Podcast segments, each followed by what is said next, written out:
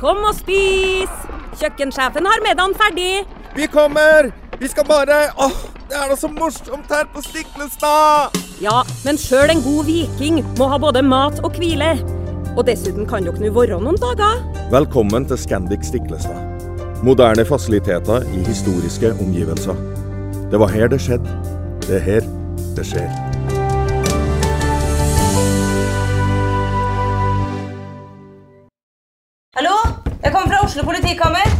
Ine Jansen er purk. Er du purk? The motherfucking bitch. Alt jeg vil, er å finne ut hva som skjedde med mannen min. Jon Carew. Er jeg sikta for noe? Iben Akeli. Det er du. Ole So, Lars Berrum og Big Daddy Karsten. Hvem sin side er du på, egentlig? Anette Hoff, Tone Danielsen, Kommer du fra Afrika? Jørnis Josef, Nesten. Kløfta. Trond Espen Seim, Det er synd å si det, men det var feil mann som døde. Purk. Premiere tirsdag på TV2 Play.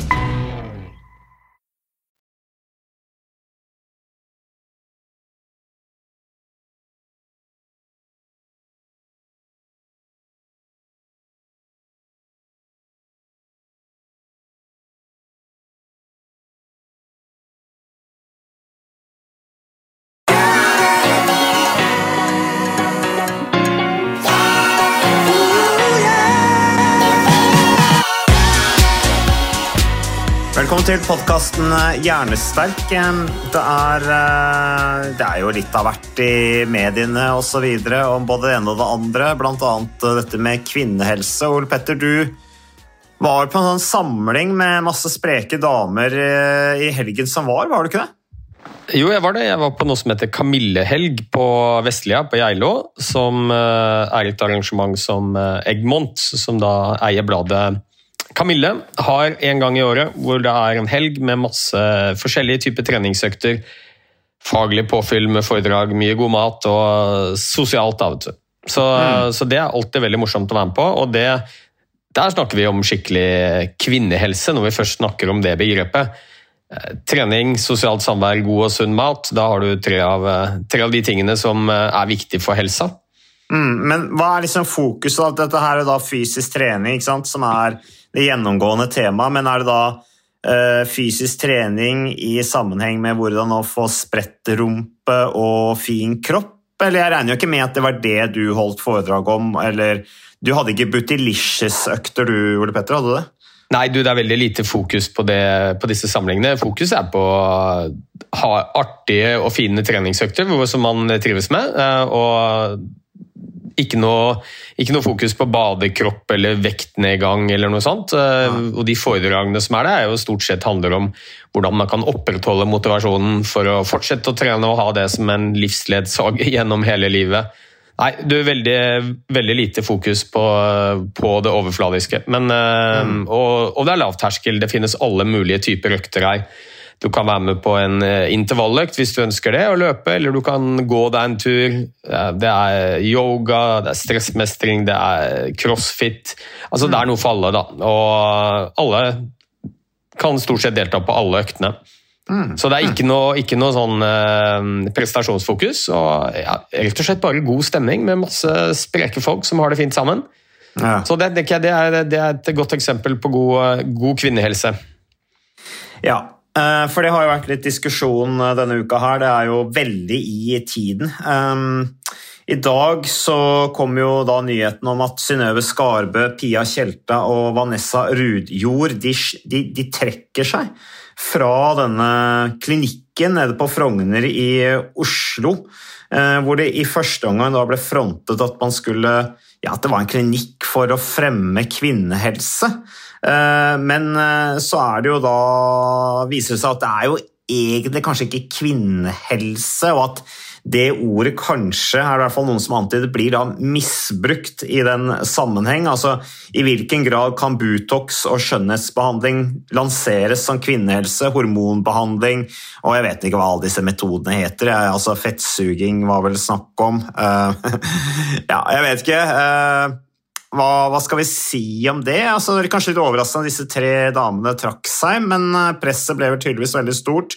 Eh, Er det, er det over grensa å, å fronte det som et senter hvor de da markedsføres som et senter for å bidra til god kvinnehelse. Ole Petter, hva tenker du om det? Ja, det var vel det folk flest stusset over. Dette er jo flinke folk som jeg syns er eh, Ja, det er dyktige folk som, eh, som jeg tror har gode intensjoner. Og mm. om man har lyst til å starte en klinikk for Eller en skjønnhetsklinikk, eller estetisk klinikk, som mange kaller det, hvor man har fokus på om det er Botox eller eh, Restylane eller fillers eller peeling eller hva det nå heter. Du kan alt, du. du kan eh, alle nei, jeg, jeg, kan egentlig ikke så veldig mye om det. Så, så tenker jeg det er helt greit, eh, hvis, hvis, folk har lyst til å gjøre det, og de er voksne. Så um, har ikke jeg noen problem med det. Jeg tror vel det folk reagerte på, var at man dekket i, dette inn under begrepet kvinnehelse. Mm. Eh, kanskje sånn i salgsøyemed, at det skulle gi enda mer eh, fokus på, på klinikken. og det det syns jeg vel kanskje er litt rart. da. Altså, Kvinnehelse er for så vidt i, i bunn og grunn ikke så veldig annerledes enn mannehelse. Eh, men, for det er jo stort sett de samme tingene som både skaper helse og uhelse for menn og kvinner.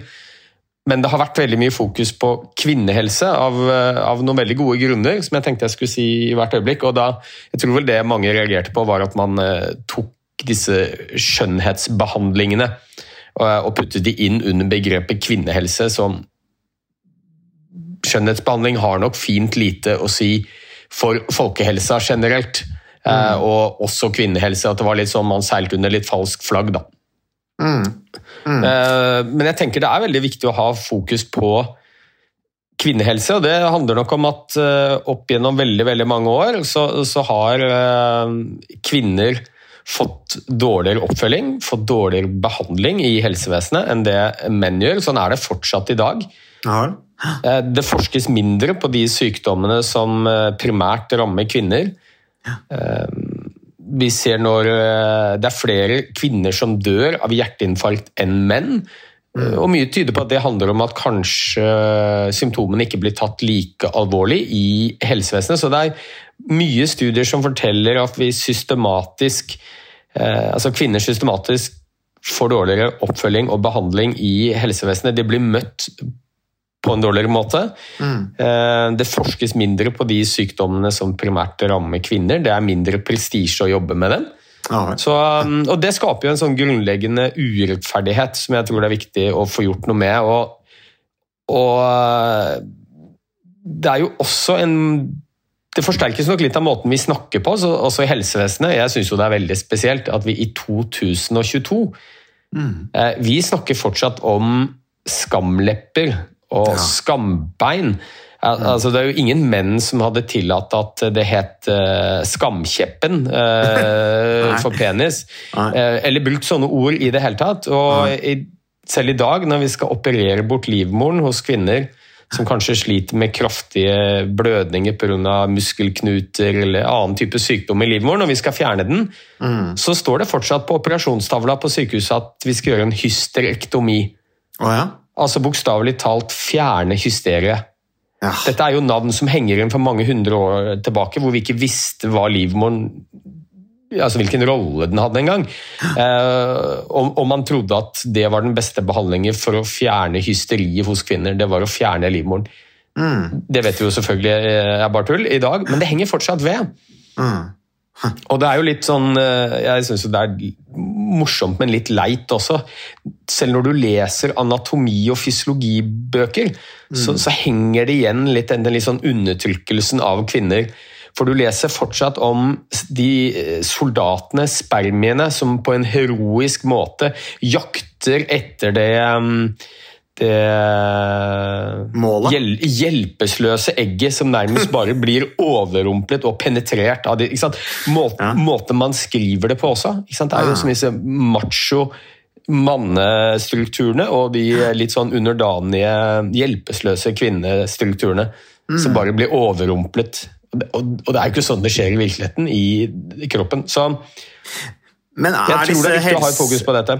Er disse helsebøkene litt utdatert, eller? Altså, hva, for jeg har jo lest en annen artikkel som vi muligens kommer inn på her, om, om, liksom, om andre temaer innenfor helse, hvor også det i den artikkelen kommer fram at ja, dette her er på en måte helse...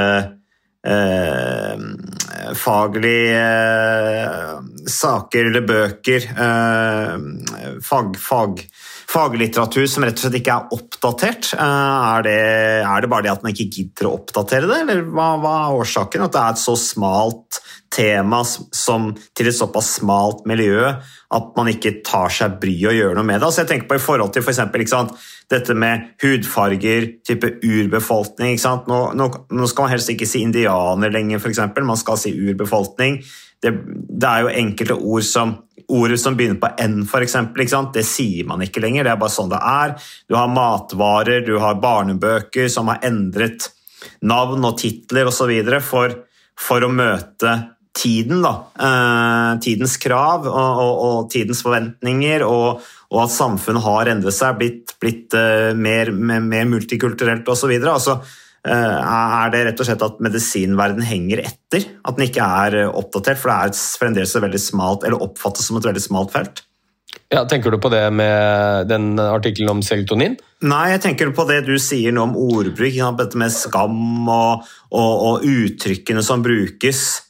Eh, i forhold til å beskrive enkelte behandlinger i forhold til enkelte deler på kroppen da, til, til kvinner, f.eks. Ja, nei, det er, det er, jo et veldig godt spørsmål, eh, og jeg tror bare det henger igjen. Altså, det er ting som er lang Det tar lang tid å endre. og det er fortsatt menn da, som primært styrer, eh, styrer helsevesenet og styrer forskningen. og um, ja, nei, Det er veldig gode spørsmål, og det tar tid, tid, å endre. og Jeg tror jo mange av disse tingene som for så vidt ikke er eh, direkte feil beskrevet, det er må, bare måten det beskrives på, gir inntrykk av at sant, her er det noen mannlige strukturer som har hovedrollen. og eh, Kvinnen er en hjelpeløs altså Egget er en liten hjelpe, et hjelpeløst offer, nærmest. ikke sant, og det eh, jeg tror det henger, henger igjen fra gammelt av, hvor det har vært eh, systematisk undertrykkelse av kvinner, som eh, jo fortsatt henger litt, eh, litt igjen i dag, også i helsevesenet, som er langsomt å endre. Mm. Jeg tenker på i forhold til dette med kvinnehelse, Ole Petter, jeg tenker på i forhold til likestilling osv. Så også, så er det vel gode grunner til at det har vært en del forskjeller på menns og menns og kvinners helse. Altså jeg tenker på Belastning på kvinner sånn historisk sett har kanskje vært større med flere forpliktelser. Eh, mindre mulighet til å kanskje adspredelse, ta vare på seg selv. Eh, eh, drikke, ikke i samme grad kunne drive med sport, idrett osv. som menn har. Jeg vet ikke hvilke forskjeller det også har kunnet gjøre på, på kvinner og, og helsa deres i forhold til menn. Ja, det er gode spørsmål. Jeg jeg vet ikke. Det, det, altså, det, er jo sånn at kvinner er jo generelt uh, altså, Kvinner lever lenger enn menn, mm. uh, men de blir oftere syke. Og det er, en del, det er en del sykdommer som uh, rammer menn og kvinner ganske skjevt. Noen av de er sånne det vi kaller autoimmune sykdommer, som bl.a. kan føre til lavt stoffskifte eller høyt stoffskifte Eh, MS, leddgikt, en del sånne sykdommer som, eh, som gjør hvor immunsystemet slår seg litt vrangt og angriper eget vev. Det ser vi kvinner har mer av. Det er flere kvinner som dør enn menn av eh, hjerteinfarkt. Det er flere kvinner som er utenfor arbeidslivet pga. Eh, mental eh, lidelse, depresjon og angst. Det er overrepresentasjon av muskel-skjelettplager. Så det er jo og det er nok sikkert flere grunner til dette. Altså, jeg tror ikke jeg har alle, alle grunnene, men, men um, jeg tror iallfall noen av disse sykdommene som fører til Kall det utbrenthet, lettere mentale lidelser, nedstemthet, også depresjon. Mm. Um, som er overrepresentert hos kvinner, kan nok være flere ting. Det, det Ukas annonsør det er uh, HelloFresh. Og uh, hvis du nå går inn på hellofresh.no og bruker koden 'fresh hjerne', så kan du få opptil 1779 kroner rabatt på da de fem første matkassene dine hvis du ikke har prøvd Hello Fresh enda. Og Ole Petter, vi er jo glad i Hello Fresh i podkasten Jernsterk, selvfølgelig fordi at de er en annonsør. De er med og bidrar til å spre det glade ordet om fysisk aktivitet og god helse, men i tillegg så har jo vi også nå lang erfaring med Hello Fresh eh, selv, så vi må jo si at det har vært gode erfaringer til nå. Ja, absolutt. Visste du Mats, at HelloFresh det er faktisk verdens ledende matkasseleverandør? Og tilbudene til HelloFresh gjør det enkelt å lage gode og varierte retter som skaper matglede. Og matglede vet du, det er like viktig som hva du putter i munnen. Det å spise mat med folk du trives med. Så gjennom 25 nye og inspirerende retter hver uke så bidrar HelloFresh til dette. Du kan bestille ekstra porsjoner om du får gjester, eller hoppe over uke hvis du f.eks. skal bort. Og Det er ingen bindingstid, og du velger leveringstidspunkt og dag selv, så leverer HelloFresh matkassen din akkurat når det passer deg. Ikke dårlig, Mats. Nei, det er veldig bra. Så, eh, og dette er med enklere hverdag, det kan jeg nå skrive under på. For nå, forrige erfaring vi hadde forrige uke, Ole Petter, det synes jeg var Det var jo et gjennombrudd eh, for familien Kaggestad. For da lagde rett og slett barna de lagde middag og serverte middagen, så den var ferdig laget og servert da når eh, min kone Marita og meg kom hjem fra jobb. Og jeg mener Det var jo bare helt utrolig. Eh, det var helt fantastisk. Det ble en nydelig middag. Riktignok de, de, de, de roter og søler litt, det gjør de. Så, men, men, maten ble veldig god. De var veldig stolte over å kunne å ha både laget og servert maten, så det var helt fantastisk. Så vi har jo da i siste så har vi eh, spist eh, bl.a. sitron- og dillstekt hyse med ovnsbakte grønnsaker og aioli. Eh, vi har spist middelhavsinspirert kylling.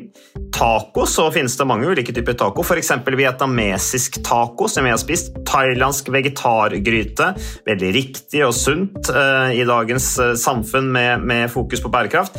Hvitløk og chilistekte reker i spagetti, det var definitivt en vinner. Så det er så flott. Du får rimelig mat ved at du kun betaler for det du trenger, så det blir ordentlig feststemning med Hello Fresh. Det gjør det, og nå er det bare for deg å gå inn på hellofresh.no og bruk koden 'fresh hjerne'. Da får du opptil 1779 kroner rabatt på de første fem matkassene dine hvis du ikke allerede har prøvd HelloFresh. Du kan også bruke rabattkoden hvis du har stoppet abonnementet ditt for tolv måneder siden eller mer. Er det noe å lure på? Håper maten smaker godt. Bon appétit! Jeg tror at kvinner er flinkere til å oppsøke lege når de får symptomer, sånn at eh, vi er flinkere til å stille diagnosen hos kvinner fordi de faktisk møter opp. Mange menn eh, lider i, mer i stillhet, for å si det sånn, og, og ikke er like flinke til å møte opp. Og så tror jeg også at eh, det er sånn at selv i dag så, så er det jo kvinner som har generelt sett av hovedansvaret på hjemmebane um, for hus og, barn, uh, i større grad enn menn, selv om det er blitt mye mer likestilt. De aller fleste kvinner jobber fullt også, mm. og det tror jeg nok det er mange kvinner som kjenner seg igjen i at det blir et Totalbelastningen tror jeg nok for mange kvinner er større enn hos menn. Fordi de, de, jobber like mye, og så har de fortsatt eh, mesteparten av ansvaret på hjemmebane. Mm. Og det er et veldig fokus i samfunnet i dag på at man skal være selvstendig og flinke. Og, og, og det rammer selvfølgelig både menn og kvinner, men kanskje litt sånn generaliserende å si at kvinner ofte stiller litt strengere krav til seg selv enn det menn gjør. Så de mm. legger lista enda høyere for hva man skal være flink til. Eh, flink på jobb og god ektefelle og god mamma. eller eh, Man skal ta seg godt ut, man skal være i god form. Man skal mm. være flink på alt. Eh, og det er det ingen som får til. Nei, nei. Og at man strekker seg litt for langt og legger lista så høyt at man er litt dømt til å mislykkes. Og det er ikke spesielt bra for den mentale helsa. Så jeg tenker i hvert fall at det er veldig positivt at det rettes fokus ikke bare mot helse, for menn og kvinner, men kanskje litt ekstra fokus mot kvinnehelsen, sånn at vi kan eh, bidra til å få utlignet litt de forskjellene vi har i hvordan vi møter kvinner og, og menn da, i, i, helsevesenet. Det jeg tenker man bør få samme oppfølging og behandling, uavhengig om du er mann eller kvinne. Og uavhengig av hvilken sykdom du har. Og Sånn er det ikke helt i dag. Nei, og da mener du at et ett eh, steg på den veien er bl.a. begrepsbruken i medisinbøker i forhold til inngrep osv.? Ja, jeg tenker det er jo på tide at man gjør noe med det. er jo bare helt tullete. Mm. At, det, at det fortsatt skal henge igjen. Eh, Og det er kanskje ikke noen ser på det som en kuriositet, men eh, det har faktisk litt å si. Må, måten vi snakker på, hvordan vi forholder oss til det. Det er med på å forsterke hele atferden og hvordan vi møter kvinner i, i helsevesenet. Så Det er- jeg tenker det er veldig veldig fint at det er fokus, eh, litt ekstra fokus på kvinnehelsen. Mm, mm. Det er jo mange kvinnelige leger i dag. I forhold Ja. til, der er det en kjempeutvikling. Det er jo Eh, veldig, veldig godt poeng, og det tror jeg jo er, vil bidra til at uh, dette kommer til å utjevne seg. I dag så vet vi at uh, tror vel det er noe sånn som 70% av alle nyutdannede leger er kvinner. Mm. Og det var jo nesten motsatt da jeg studerte, det er ikke så mange år siden, men på 90-tallet hvor det var klart flest menn. og så er det gradvis blitt flere og flere kvinner. og, og også i en del av disse spesialitetene. Um, ja, altså Nå er det mye jevnere, eh, både i primærhelsetjenesten og i sykehusverdenen. Det er langt flere kvinner enn det var tidligere, og det tror jeg, det tror jeg er veldig bra. Men det hadde vel også noe med at eh, karakterkravene var såpass tøffe at uh, jentene var rett og slett flinkere, så de hadde bedre karakterer og, og komme inn uh, i større antall. Var det ikke litt sånn en periode? Syns, eh, Jo da, det er, nok, eh, det er nok flere ting. Sånn generelt så er det flere kvinner som søker å studere helsefag enn det det er menn. Eh, Også, også medisin. Og så forsterkes det jo av at det er veldig høye karakterkrav for å komme inn på medisinstudiet. Eh, Og jentene har stort sett bedre karakterer enn gutta ut av videregående, så da, da sier jo det seg selv. Ja, ja. Eh, vi har fått eh, flere spørsmål eh, apropos kvinnehelse, altså mye fra kvinner. Eh, du er såpass ydmyk, Ole Petter, at eh, du så spørsmålene og sa at Mats, jeg trenger litt tid på å forberede meg, skal jeg svare på det her? Eh, og Det syns jeg er helt fair, eh, Ole Petter. Det må være én ting her eh, som jeg tror kanskje man kan svare på. Eh, Og Det er Anita, snart 50, som skriver Kan dere ta opp trening og overgangsalder? Eh, Og Hun her har tydeligvis, Anita har tydeligvis sånn spesielt altså hun, hun har en litt sånn annen oppfatning av fysisk trening, for hun skriver å trene når du føler deg sliten hele tiden, skriver hun. Har hørt at man får overskudd av å trene, men det merker ikke jeg noe til. Det er bare samvittigheten til min egen kropp som får meg ut. Da hilsen Anita, snart 50. Jeg syns den var litt sånn relatert Litt sånn kanskje relatert til eh, dette med kvinnehelse og hvorfor trener man. Trener man for utseendets del, eller trener man for velværets del? Eh, og jeg, nå vet ikke jeg, kan ikke jeg helt tolke hva Anita her mener, men når hun skriver det er bare samvittigheten til min egen kropp som får meg ut, så kan, er det da eh, hjerte, lunger, muskler, ledd hun viser til, eller er det på en måte figuren? Eh, det er litt vanskelig å tolke, det kan tolkes begge veier her. Eh, men trening og overgangsalder Man får jo litt mindre energi med alderen, Ole Petter. Det gjør man jo. Menn får mindre testosteron, kvinner får sikkert noe eh, mindre av noen hormoner de også, som kanskje gjør at de får litt mindre energi. Men det betyr vel ikke dermed at det å ikke mosjonere, ikke holde seg i form, gjør at du får noe, får noe bedre. Hva tenker du om det? Nei, jeg tenker nok det at eh, det er få eh, ting, tilstander og overgangsalder er en av dem. Man skal jo ikke kalle det en sykdom, det er jo en helt Nei. naturlig prosess. eh, Men hvor man får det noe bedre av å hvile seg, å hvile seg ut av det. Så det er helt klart anbefalt at man fortsetter å trene når man kommer til overgangsalder. Det jeg tror Anita henspeiler på, eller refererer til, er at etter at hun har kommet i overgangsalder, så føler hun ikke at hun får noe overskudd av å trene. Hun føler seg sliten hele tiden, men hun trener allikevel fordi hun har samvittighet til egen kropp. Og, og, og når hun eh, skriver det sånn, så tolker jeg at det handler om helsa. Altså, Ja. ikke, ikke utseendet på kroppen, men at hun eh, er opptatt av sin egen helse, og at kroppen har det best mulig. Så, og det er jo veldig fint at hun gjør det, men eh, det er klart, det er jo en fordel at man føler seg bedre av å trene også. Og nå er det jo vanskelig å vite hvordan hadde hun følt seg hvis hun ikke hadde trent. Jeg tror nok de aller fleste, selv om de kanskje ikke opplever at de får mer energi av å trene, så, så har de det bedre allikevel enn om de ikke hadde trent. Og Det er jo ikke noe hokus pokus dette med trening og overgangsalder. Annet enn at eh, det er en del som opplever at de har mindre energi, har mindre motivasjon og, og syns det er vanskeligere å komme seg i aktivitet når de har kommet til overgangsalder. Og, og da er det jo selvfølgelig veldig viktig å prøve å tilpasse dette. Hvis, hvis treningen fortsatt er viktig, at man eh, kanskje justerer det ned noe med intensitet og, og, og opplever at man eh, har økter som man faktisk trives med. Og så kan det jo være, hvis man har mye plager fra overgangsalder, det kan jo være alt fra nattesvette til eh, tørre slimhinner til eh, mindre energi, at man eh, faktisk tar en tur til fastlegen og får gjort noen undersøkelser for å se om det er faktisk noe man kan påvirke. Ja, Man sover jo dårligere òg med alderen, ikke sant? så man blir jo automatisk da litt trøttere. Er det ikke sånn, Ole Petter?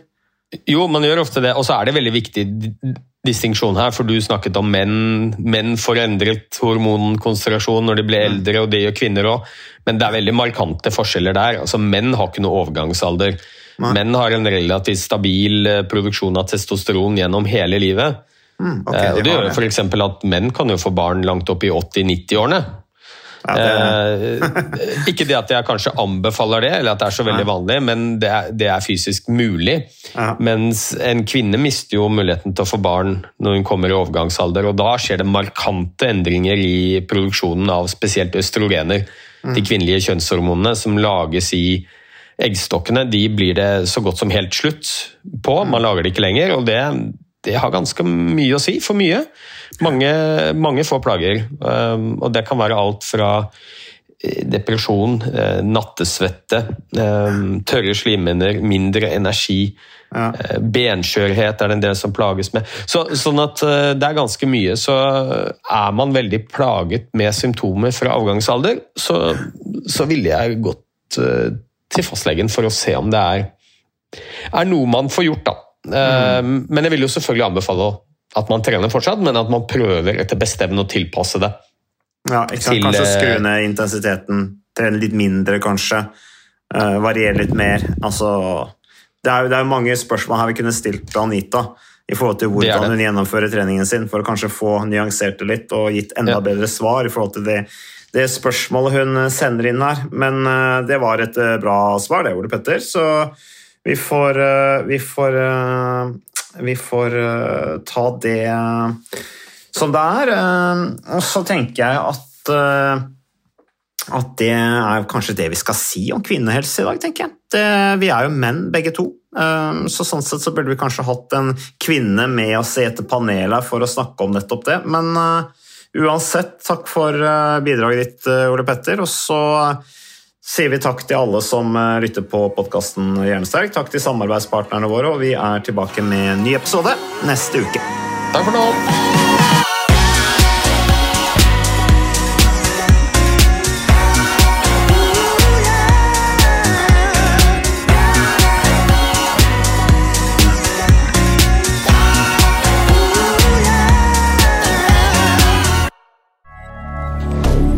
Moderne